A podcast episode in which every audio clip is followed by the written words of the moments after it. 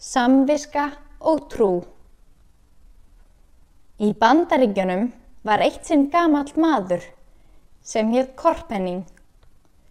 Hann var jarðvegandi og þekktur fyrir góðsemi sína. Einu sinni gekk mikið hallari yfir landið og hjálpaði hann þá öllum fátakum góðfúslega með því að gefa þeim úr forðabúri sínu. En öllum þeim sem vildu borga honum fyrir með peningum svaraði hann á þessa leið.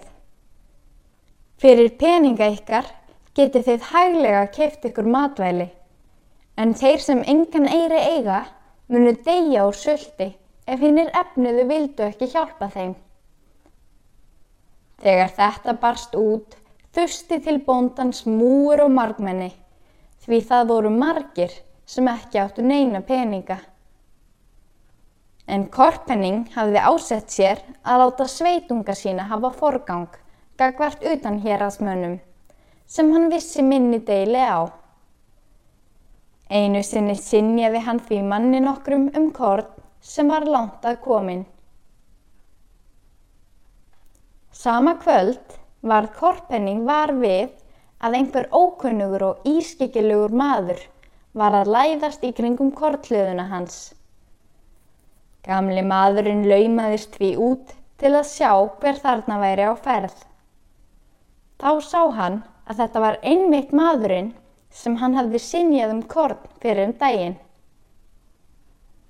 Aðkomi maðurinn tók nú að láta korn í póka sinn en gerði það þannig að á honum sást að hann var með samviskubitt.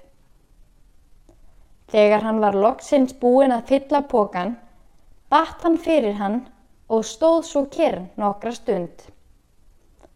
Hann stutti hendinni á pókan og átti greinilega í miklu stríði við sjálfan sig um það hvort hann ætti að gera þetta eða ekki.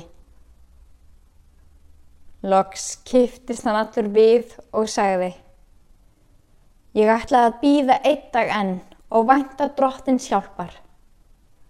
Síðan gekk hann burt. Korpenning þótti svo mikið til trú þessa ókunna manns koma að morgunin eftir sendi hann honum fullan sekk af korni. Hann let svo þau bóð fylgja að þegar kornið væri búið skildi hann láta sig vita og þá geti hann aftur fengið eins mikið korn og hann þyrti. Úr sögusafnu Péturs Péturssonar biskups